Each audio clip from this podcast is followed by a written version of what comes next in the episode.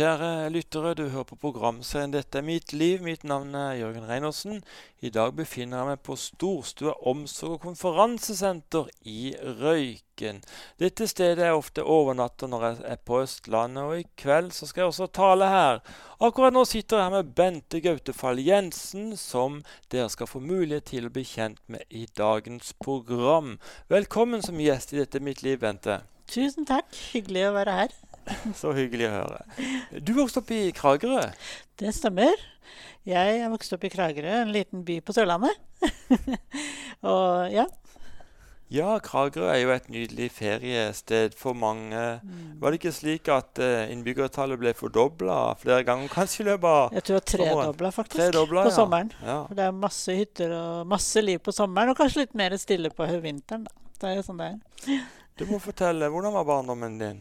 Du, vet du hva? Eh, jeg må si at jeg kan se tilbake på en barndom som var eh, veldig god. Eh, og ser tilbake på den med takknemlighet. Eh, vokste opp i en kristen familie. Eh, mamma og pappa som tok meg med på, eh, på søndagsskole. Jeg fikk videre gå på junioren på Frelsesarmeen. Og etter hvert i tenåra så fikk jeg begynne i kor på bedehuset.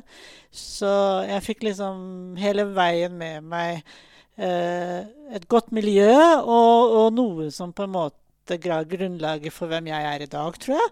Og for grunnlaget for, for den troa som jeg kjenner at eh, bor i hjertet mitt i dag, da. Og en bestemor som jeg har lyst til å nevne, som var helt fantastisk, som bodde i første etasje hos oss. Som jeg kunne gå inn til, og vi satt med kjøkkenbordet hennes og hadde masse, masse prater om tro og, og livet generelt, da. Ja. Du var ni år gammel når du tok et valg om å Stemmer det.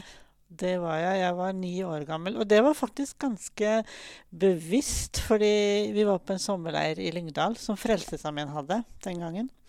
Eh, og jeg husker at jeg tenkte nå, Bente, nå må du velge om du har lyst til å tro på Jesus, det som står i Bibelen, eller om du ikke vil tro på det. Du kan ikke lenger bare eh, hva skal jeg si, leve på det som mamma og pappa eller de på søndagsskolen eller junioren har fortalt deg. det. Du må liksom bestemme sjøl om du vil tro. Og den gangen så kjente jeg ja, det vil jeg tro på.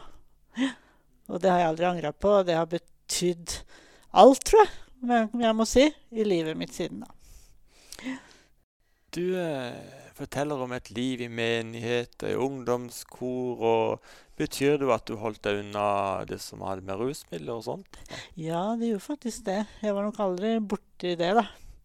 Eh, jeg var vel heldig sånn sett, kanskje, og fikk leve ganske beskytta.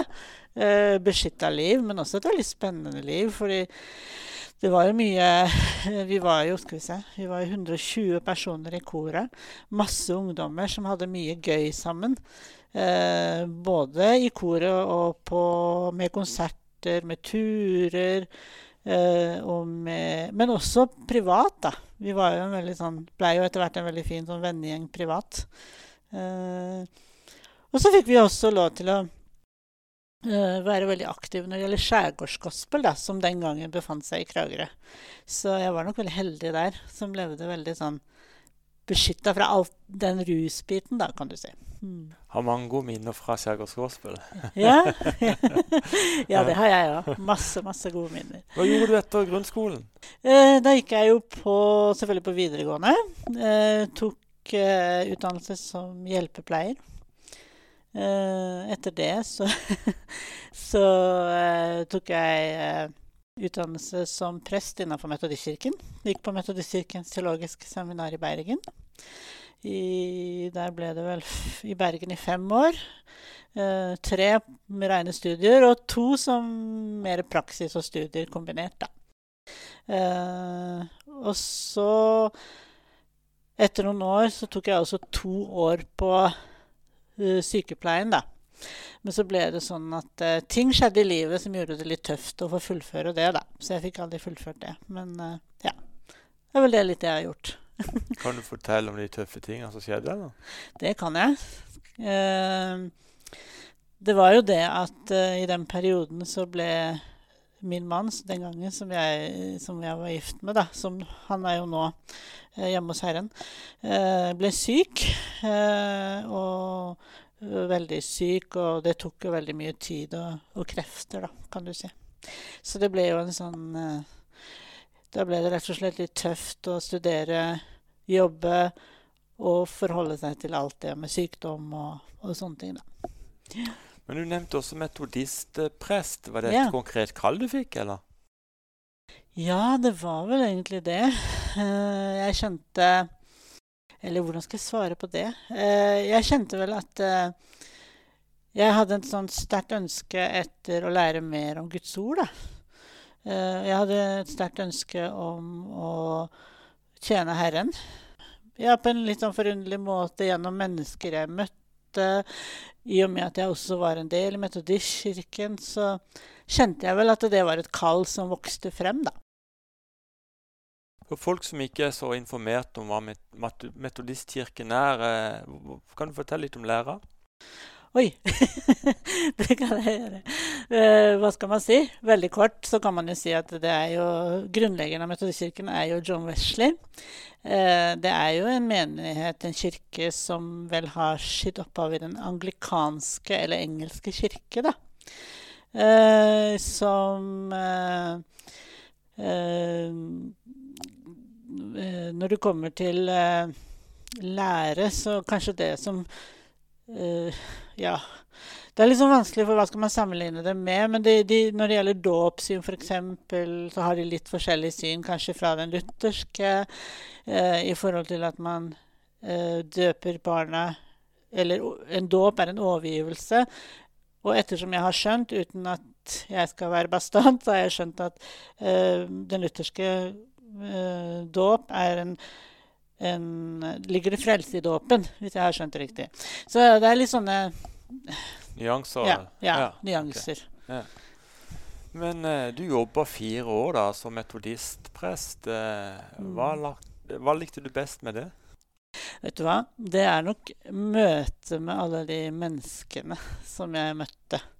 Jeg har nok alltid vært en person som elsker å møte mennesker. Eh, høre hva mennesker har å si. Eh, menneskers erfaringer. Eh, det føler jeg alltid at jeg lærer veldig mye av, og som gir meg veldig mye. Eh, så kom jo alt det andre med det organisatoriske, prekene og alt det der. Men det var nok kanskje den sjelesørgen, møte med sjelesørgsbiten, møte med menneskene, som, som, har, som sitter veldig sterkt i meg, og som har berørt meg mest. da. Var du på et sted var prest da? Ja, eh, det var det først i Bergen, og så i Kongsberg ja. etterpå. Mm. Er der du bor i dag? Der bor jeg i dag. Ja. Ja. Hvorfor slutter du som prest? Eh, det var kanskje noen ganger så skjer livet det, sånn, det òg. Eh, jo, jeg, begynte, jeg traff jo mannen min, og så begynte jeg å jobbe litt på sykehuset i Kongsberg i den tida der. Trivdes veldig godt med det. Uh, og kjente vel at det å uh, jobbe med mennesker på en annen måte uh, Altså i form av at det å preke hver søndag, det å organisere Det var ting kanskje som ikke var helt meg, hvis jeg kan si det sånn. Og så ble det til at når man gifter seg, så ønsker man å etablere seg. Og så ble det jo sånn som jeg sa, at det åpna seg en dør eh, med å jobbe på sykehuset, og etter hvert så begynte jeg også å jobbe på et sted som heter Dokka gård, som er en rehabiliteringsgård som ligger litt oppi Numedalen i Kongsberg. Så det var vel litt sånn livet som skjer, og dører som åpner seg, og dører som lukker seg, kanskje. Jeg vet ikke. Det. Kanskje litt sånn uklart svar, men, eh, men det, det, har liksom ikke noen sånn konkret grunn. Det er kanskje noe viktig for meg å si. Det er jo ikke noe som skjedde, eller men sånn, men, eh, men det bare Livet skjer. du mista din mor og din far ganske tidlig. Det gjorde jeg. Det var en eh, For å begynne med mamma, da. Da var jo Skal vi se, hun var jo syk fra jeg var sånn 15-16 år. Og egentlig syk i 19 år, nesten. Og, eh, så hun ble jo 51 år gammel. Eh, døde av kreft. Og det rare oppi dette her var jo at eh, hun døde bare noen uker før jeg traff mannen min og ble sammen med han som jeg gifta med meg med. Da. Så det ble litt sånn glede og sorg på én gang. Og så, etter et år, halvannet Nei, ett år og fire måneder nøyaktig, så gifta jeg og Bjørn Erik, eller mannen min, da, eh, oss. Og da, seks dager etter bryllupet vårt, så døde pappa. Så da ble det sånn gledesorg igjen, kan du si. Så det var en veldig sånn spesiell opplevelse. Han ble jo bare øh, 56 år, døde av hjerte. Uh, hjertestans, da. Så ja, det var tidlig. Uh, og mamma var nok mer forberedt på det, fordi hun var syk over så lang tid. Pappa var nok mer en slags sjokk, fordi det skjedde så fort. Og det var en sånn rar opplevelse, for at i en sånn situasjon så kommer man nesten dit hen hvor at man kjenner litt eh, dårlig samvittighet for å være glad, og litt dårlig samvittighet for ikke å være glad. Når man opplever glede og sorg på samme tid. ikke sant? Så det var en sånn, husker jeg var en sånn ting som jeg kjempa med. Jeg måtte få lov til å være lei meg, og jeg måtte få lov til å være glad. Fordi det hadde skjedd noe fint i livet mitt også. Kjære lytter, du hører på programserien 'Dette er mitt liv'. Mitt navn er Jørgen Reinersen. I dag har jeg besøk av Bente Gautefall Jensen her på Storstua omsorg konferansesenter, hvor jeg overnatter når jeg er på Østlandet. Og Bente, du har fortalt nettopp at du mista dine foreldre tidlig. Men i den prosessen også så møtte du din mann. Kan vi få høre hvordan du møtte han? Det kan jeg gjerne fortelle om. vet du. Eh, da jeg kom til Kongsberg som prest i Metodekirken der, så eh, hadde vi en kontakt med eh, noe som heter Dokka gård, som er en sånn rehabiliteringsgård for rusmisbrukere. Og der var det sånn at eh, vi var oppe hver, sånn en tirsdag innimellom og hadde andakter og sånn. Og siden jeg var prest, da, så ble det at jeg dro opp fra Metodistkirken. og der jobba Bjørn Erik, eh, som jeg da ble gift med etter hvert. Eh, sånn ble det vel. Og så var det jo noen av de som, andre som jobba der, da, som var litt sånn Kirsten Giftekniv og sånn, kan du si. Så, som tilfeldigvis inviterte oss på middag sammen og litt sånn. så vi traff. Og, og, og, kanskje også litt noen ganger i sånn møtesammenhenger, da, så vi møtte hverandre. Ja. Bjørn Erik han hadde en fortid som rusmisbruker. Hva, hva, tenkte du om det? Tenkte du tok en risiko, eller? Vet du hva, jeg visste jo veldig, veldig, veldig lite. Eh, I og med at min bakgrunn var eh, Håper å si min kunnskap om det var lik null den gangen. Eh, så jeg var nok, eh, hva skal man si, jeg var nok litt naiv. Eh, I den forstand at eh, jeg tenkte at tenkte kanskje, Jeg tror ikke jeg tenkte så mye på det. Jeg visste at han hadde vært rusfri i ti år når vi ble sammen, og tenkte at oi, ja, men da da Ja, men det er jo bra. Da er han vel skikkelig Da må jo det være liksom et tilbakelagt kapittel i livet. Eh, og hadde vel egentlig ikke noen bekymringer for det. Så sånn sett var jeg kanskje litt naiv på det. ja. ja, for det, det begynte å skjære seg med noe sykehusopphold, var det så, eller? Ja, det stemmer. Han begynte jo å få litt eh, ryggsmerter og sånne ting. Og, og, selvfølgelig, når man har smerter og vondt, så, så er det jo eh, smertestillende som hjelper. Eh, og når man har vært eh, opiatavhengig, eh, så er jo klart at uh, morfin og sånne ting er jo veldig skummelt, da. Så det begynte jo uskyldig, ganske uskyldig med veldig kontrollerte mengder uh, med Paragin forte. Uh, som måtte til da, for å lindre de smertene i ryggen og pga. prolaps og sånn. Og ja, endte jo opp med misbruk av illegale midler som, som heroin, da. Heroin, det er jo eh, eh kanskje det verste stoffet. Ja, det vil jeg jo si. Hvordan, hvordan var din, dine tanker når dette, den prosessen starta? Vet du hva? Eh, jeg begynte vel å få litt sånn Hva skal jeg si? Litt vondt i magen når jeg på en måte Førstninga fant ganske mange tomme Paragym forteglass, eh, litt skjult her og der. Eh, og begynte vel da å skjønne at det var et problem på gang. Eh, men så Ja, når man snakka om det, og når jeg konfronterte med det, ikke sant, så, så er det jo noe med det at man ønsker å tro på den personen man er glad i også. Så det var liksom litt sånn OK, ja, jeg skal skjerpe meg, dette skal gå bra, jeg skal slutte, og sånne ting. Men så var det jo ikke så enkelt, da. fordi at når man først har blitt hekta på sånne ting, så er jo det noe som blir eh, Hva skal man si altoppslukende i livet. Eh, egentlig så er, kan jeg vel si at det, jeg tror nesten det er sånn, uten at jeg har prøvd det sjøl, at det er ikke så mye annet som betyr noen ting. Eh, og man går liksom ganske langt da, for å, uh, for å skaffe det man trenger. Da. Og selvfølgelig også en fysisk avhengighet, da, som selvfølgelig sikkert er veldig vanskelig å håndtere midt oppi det der. Det er veldig sterke krefter.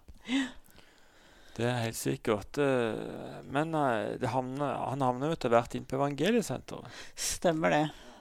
Og det er jo fantastisk, eh, egentlig. All ære og takk til Evangeliesenteret for det. Han fikk jo komme inn dit. Det var jo selvfølgelig en liten vei å gå der, fordi når man står oppi det og sånn, så er det ikke alltid så lett som det nærmeste pårørende. Eh, erfarte jeg vel også. Eh, å sette de der grensene som man kanskje burde, da. Eh, I forhold til uh, du må Nå er den grensa nådd, nå må du søke hjelp, liksom.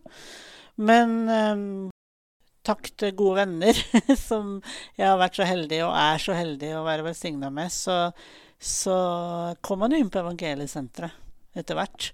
Og fikk utrolig god hjelp, og det skjedde jo en radikal forandring i hans liv igjen. Da. Selv om han hadde jo vært kristen hele livet, men han fikk vel et nytt møte med Gud, noe som satte han fri da, fra stoff og, og, og, og det her Ja, faktisk både stoff og røyk og alt, egentlig. Ja. Det er fantastisk. Mm det jeg sitter og tenker på, på her, Bente, det er jo det at uh, en rusmisbruker han lever jo på en måte i sin egen verden og sånt. Uh, og, og, vi har jo hatt mange rusmisbrukere i dette programmet her som har delt at de har blitt fri, og det er jo fantastisk. Men vi har ikke mm. hørt så mye fra den andre sida, fra de pårørendes side, hvor tøft det egentlig er. Mm. Uh, det, det, ja, altså du, du, du, hadde det jo, du hadde jo kjempevanskelig en tid da. Ja, det var veldig tøft. Fordi det var Det var skuffelser. Det var Man følte det som et uh, Man følte det som et svik, egentlig. Uh, og man følte at uh, man plutselig Den personen du på en måte hadde gifta deg med og var glad i, hadde blitt en helt annen person. Så det var veldig mange følelser. Jeg tror jeg hadde sorg, skuffelse, sinne, raseri Ja, veldig, veldig, veldig mange følelser. Og så var det også veldig sånn litt sånn kaotisk i forhold til eh, Ja, hva vil framtiden bringe nå? Jeg visste at jeg jo kunne ikke Eh, altså, jeg kunne ikke leve med en som drev og rusa seg, og som, som, på en måte valgte det livet, da. For det ville bli så altoppslukende for meg, så det, det, det ville jo ikke fungere. Så jeg liksom tenkte OK, ryker ekteskapet mitt nå? Må jeg liksom Eller må jeg liksom ja, hva skjer? Det var så innmari mye usikkerhet og vanskelig, mange vanskelige følelser rundt det. Det var det virkelig.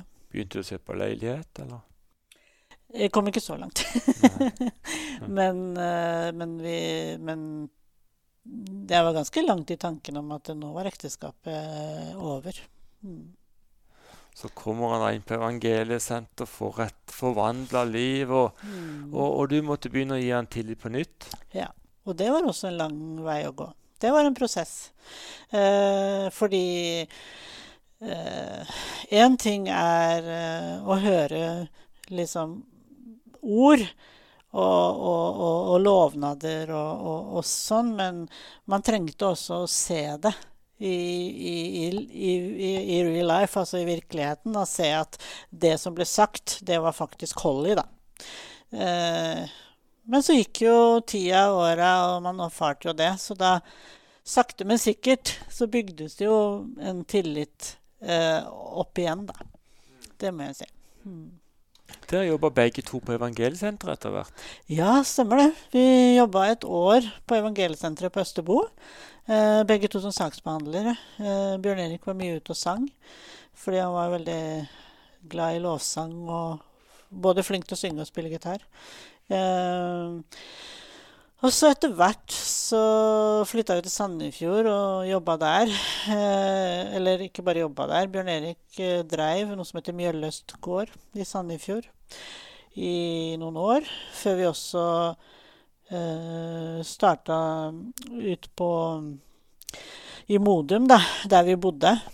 Eh, en gård der ute. For det ble litt mer praktisk etter hvert å bo nærmere hjemme og, og sånne ting, da.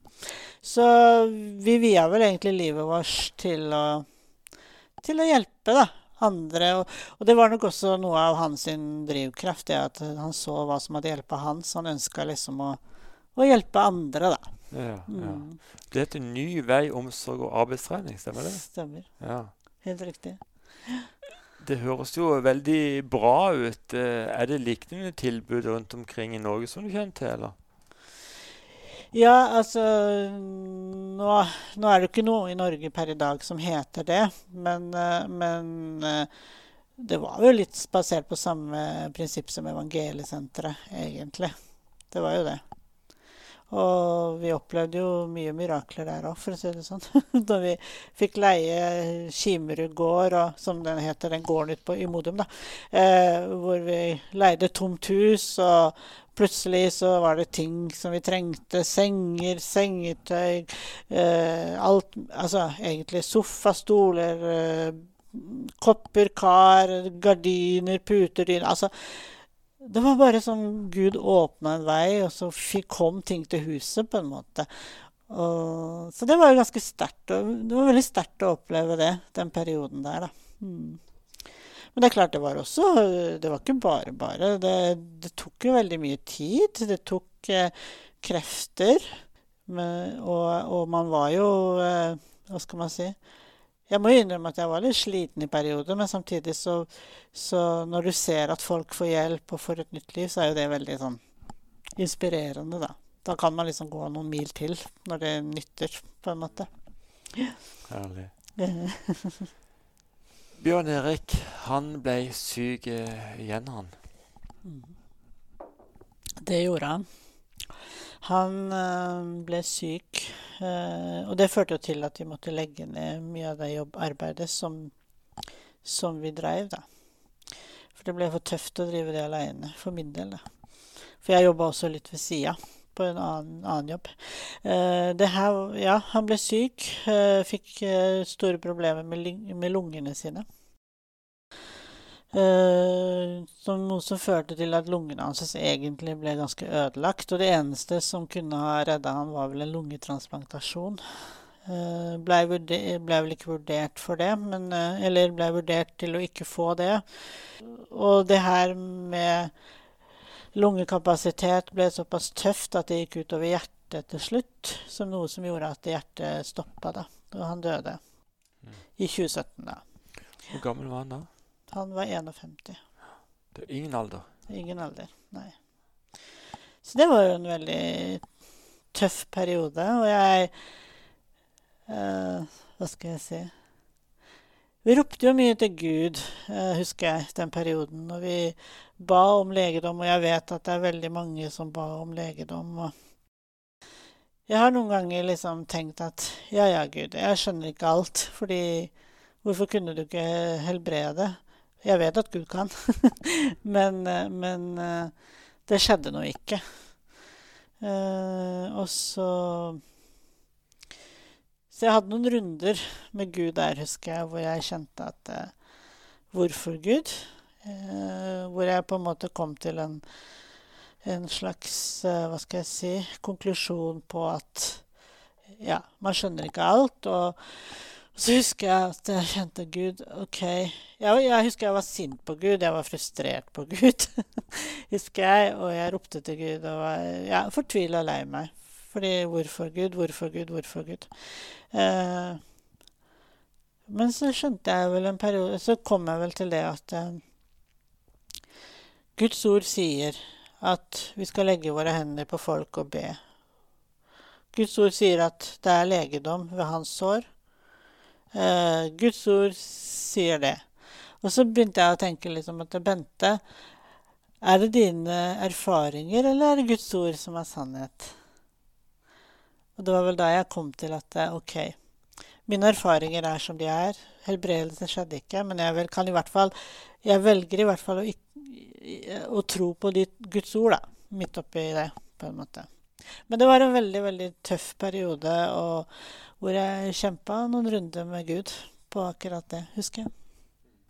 Kjære lytter, du hører på programserien 'Dette er mitt liv'. Mitt navn er Jørgen Reinersen. I dag så har jeg besøk av Bente Gautefall Jensen. Da snakker jeg om hvor vi er, så er vi altså på Storstua omsorg- og konferansesenter i Røyken, som er et flott hotellanlegg som vi anbefaler å overnatte på når man er på Østlandet. Eh, Bente, du, eh, du har nettopp delt eh, mange tøffe ting. Du mista mannen din, du mista også dine foreldre tidlig. Men nå er du engasjert i noe som heter Marita Woman. Stemmer det. Du må fortelle litt hva det er. Ja. Marita Women er jo en del av Marita-stiftelsen. Eh, og Marita-stiftelsen, som kort fortalt, eh, driver jo veldig mye Ble jo grunnlagt av Leif Holstad. Det var eh, De driver jo med altså, Jeg kan nevne skolearbeid, fengselsarbeid, ruskafé, eh, arbeidspraksis, bruktbutikker, bare for å nevne noe. Og så har du da Marita Women, som jeg jobber med, som er en del som jobber inn mot uh, damer som eh, har, vært utsatt for menneskehandel. Og, også, og som også har prostitu prostitusjonserfaring, da. Uh, og der driver vi med tre ting. Vi har et botilbud. Uh, vi har en kafévirksomhet uh, som er en slags sånn oppsøkende virksomhet. Og så har vi også arbeidstrening. ja. Jeg jobber jo hovedsakelig i botilbudet, da. som Hvor vi har Eh, et botilbud for eh, damer som eh, er antatt offer for menneskehandel. Hvor vi, de bor i en beskytt, altså på en hemmelig adresse, hvor de skal føle seg trygge beskytta fra å bli oppsøkt av mennesker som de ikke ønsker å bli oppsøkt av. Da. Hvordan møter dere disse kvinnene? Du, eh, veldig mange av disse damene møter vi jo på kafeen. Eh, og så har vi også et samarbeid i forhold til Nav, som også i Oslo har eh, en egen avdeling som heter Human Support Trafficking Oslo, hvor, hvor, hvor, de kommer i kontakt med disse damene, som igjen da kanskje ønsker å, å, få hjelp, som da kontakter oss for å høre om vi har plass da, til at de kan bo. Også, også noe som heter ROSA, eller som er en del av krisesentrene i Norge. da som også eh, tar kontakt med oss hvis det er noen som trenger et sted å bo. da. Går dere også ut på gata og inviterer folk til å komme på kafeen, eller? Ja, det gjør vi også. Eh, vi har eh, det vi kaller for en oppsøkende virksomhet, hvor vi har kafé eh, to dager på natt, i, eller sein kveld, tidlig natt, i Oslo. Og før kafeen så er vi ofte ute på gata og, og, snakker med de damene som står rundt omkring. Da. Eh, og man får jo god kontakt med dem etter hvert, da, for de begynner jo å kjenne oss. sant? 'Hei, ja, dere er fra Marita?' Ja, så ja. Får man ha en prat. og uh, 'Velkommen til kafeen som er åpen', liksom. Og, sånn da. og vi opplever at det kommer noen, en del inn, faktisk. Mm. Hvilken tilstand er disse kvinnene som dere tar dere av på botilbudet? Du, det her er, De som på botilbudet er jo kvinner som ønsker å bryte med prostitusjon, da. Eller komme ut av en situasjon hvor de eh, er på en måte i eh, Hva skal man si et offer for menneskehandel. Det vil si at de er under Ja, har vært i en, en tvangssituasjon, kanskje, i forhold til å måtte selge seg selv eller ja, kroppen sin, da. Ja. Uh, og så de er jo for så vidt Altså, de er jo um, kvinner som, ja, som jeg sa, ønsker å komme ut av det. Og som da får vurdert saken sin da, ved, gjennom uh, bl.a. Uh, Nav, Rosa politi, uh, UDI Ja, forskjellige instanser, da. Vi har samarbeid med ganske mange instanser, egentlig, mm. når det gjelder det, på botilbudet. Hva er de største utfordringene i dette arbeidet? Oi, det er mange. Men det er vel kanskje det å, å, bygge en Hva skal jeg si eh, Bygge tillit, tror jeg kanskje jeg vil trekke frem som en av de største utfordringene. I den forstand at eh, disse damene eh, ofte har vært utsatt for grove tillitsbrudd. Og det kan gjerne være av sine aller nærmeste. Eh, eh, som har eh, brukt dem, brutt tilliten deres. og hvorfor skal de da stole på oss, som kommer og sier at 'hei, vi kan hjelpe deg, vi ønsker å hjelpe deg'? Så det ser man jo, at det kan ta veldig lang tid å få dem til å tro at vi vil dem vel, og at vi ønsker å hjelpe dem. da. Og at vi kan hjelpe dem, ikke minst. Blir det også samtale om tro? Absolutt veldig mange ganger. Og veldig ofte så eh, Jeg må si jeg har erfart at veldig mange av disse kvinnene som har kommet på botilbudet vårt, har en veldig sterk tro. Eh, og faktisk også en sterk kristen tro. Eh, og, og, mange ganger så har jeg tenkt at eh, det er kanskje noe av det som har båret dem midt oppi en forferdelig vanskelig situasjon. Egentlig. Mm. Du er nå bosatt i Kongsberg. Eh, Stemmer det. Ganske lang arbeidsvei? Ja, jeg bruker vel ca. halvannen time, kanskje, innover. Hvis jeg er heldig og trafikken flyter greit. Ja. Tre timer daglig? Ja, så cirka. Ja. Mm. Du er også med i en menighet her? Det er jeg. Jeg er med i en menighet som heter Kongsberg Bibelsenter. Uh, som igjen er en del av Eller vi har et godt samarbeid med noe som heter Kredo-kirken i Bergen, hvis du har hørt om det. Det er jo Og vi driver jo uh, bønnemøter, gudstjenester, og også noe veldig spennende, en, en matutdeling. Som faktisk eh, omfatter eh, over 80 familier i Kongsberg by som trenger hjelp. Eh, å få mat hver 14. dag i, ja, som vi deler ut. da ved at vi er inne og henter mat på Matsentralen i Oslo. Mm. Fantastisk. Hvordan har du kommet i kontakt med disse? Du, det er uh, gjennom uh, bekjente, men også faktisk gjennom barnevernet. Fordi det her er en, noen uten, Selvfølgelig noe utenlandske familier, men også en del enslige forsørgere som, som kan være i en litt sånn vanskelig situasjon. Da. Så det er liksom litt på forskjellige måter, men ja. Mm. Vi nærmer oss slutten av dette programmet. Du er jo metodistprest, nå må vi få en hilsen av deg. Ja. Vet du hva, Da har jeg veldig lyst til å dele med dere mitt uh, favorittvers i Bibelen, som jeg pleier alltid å si. Eller pleier å si, fordi det er et vers som har møtt meg i veldig veldig mange situasjoner i livet. Eh, både på gode dager, men også i onde dager. Og det står i Isaias 41,10. Og der står det at uh, frykt ikke, for jeg er med deg. Se deg ikke rådvill omkring, for jeg er din Gud. Jeg styrker deg, og jeg hjelper deg, og holder deg oppe med min frelsers høyre hånd. Og det må jeg jo bare si at uh, det tror jeg er en hilsen til alle oss, uh, alle mennesker. og jeg må si at det har jeg jo personlig erfart at uh, min himmelske far han har holdt meg oppe i gode dager og i mindre gode dager. Og jeg har også sett det i, i menneskers liv som jeg har vært så heldig å få møtt.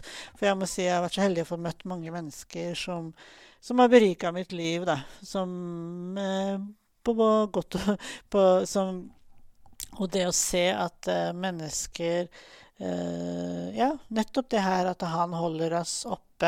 Han styrker oss, han hjelper oss. Han gir oss det vi trenger i, i livet akkurat der og da, når vi trenger det og bærer oss gjennom ting. Vi er ikke alltid lova at vi skal eh, slippe unna vonde ting i livet. For det er kanskje noe vi mange ganger tenker at eh, Og kanskje tenkte jeg litt sånn sjøl òg, at eh, som kristen så, så, så, skal jo livet bare være rosenrødt. Men det lærer man jo fort, og erfarer jo gjennom livet at sånn er det jo ikke. Men når man eh, opplever at eh, midt i alt det så har man en som er med deg, og som holder deg oppe, og som hjelper deg gjennom ting. Og det er det vi kan regne med å stole på, da. Ja. Det er godt å høre. Ja. vil du også be en bønn for lytterne? Det vil jeg, vet du. Kjære Jesus. Jeg takker deg for at du er en god far som har omsorg for oss. Takker deg fordi at du har sagt at du vil være med oss i alle dager. Kjære Jesus, så vil jeg be deg for alle de som eh, måtte høre på nå. Takk, Herre, at du ser hvordan de har det. Takk at du vet hva de kjemper med, og hva de er eh, takknemlige for. Og jeg bare ber deg, Herre, om at du skal hjelpe hver eneste en som måtte kjenne at livet måtte være tøft og vanskelig, at du skal komme dem i møte, at du skal velsigne dem, at du skal styrke dem, at du skal hjelpe dem og gi dem det de trenger, Herre. Og la de få kjenne at du bærer dem gjennom i vanskelige og tøffe situasjoner. La de få kjenne at du er en far som har omsorg, for du er god, og du Eh, du, du, har omsorg for oss. Så må din velsignelse, Herre, bare hvile over hver eneste en som lytter på, og la de få kjenne at du er en Gud som er til stede i, i deres liv. I Jesu navn. Amen, amen. Bente Gautefall Jensen, hjertelig takk for at du har vært så åpen og delt fra ditt hjerte. Må Gud rikelig velsigne deg og alt det du tar deg for i årene framover. Takk.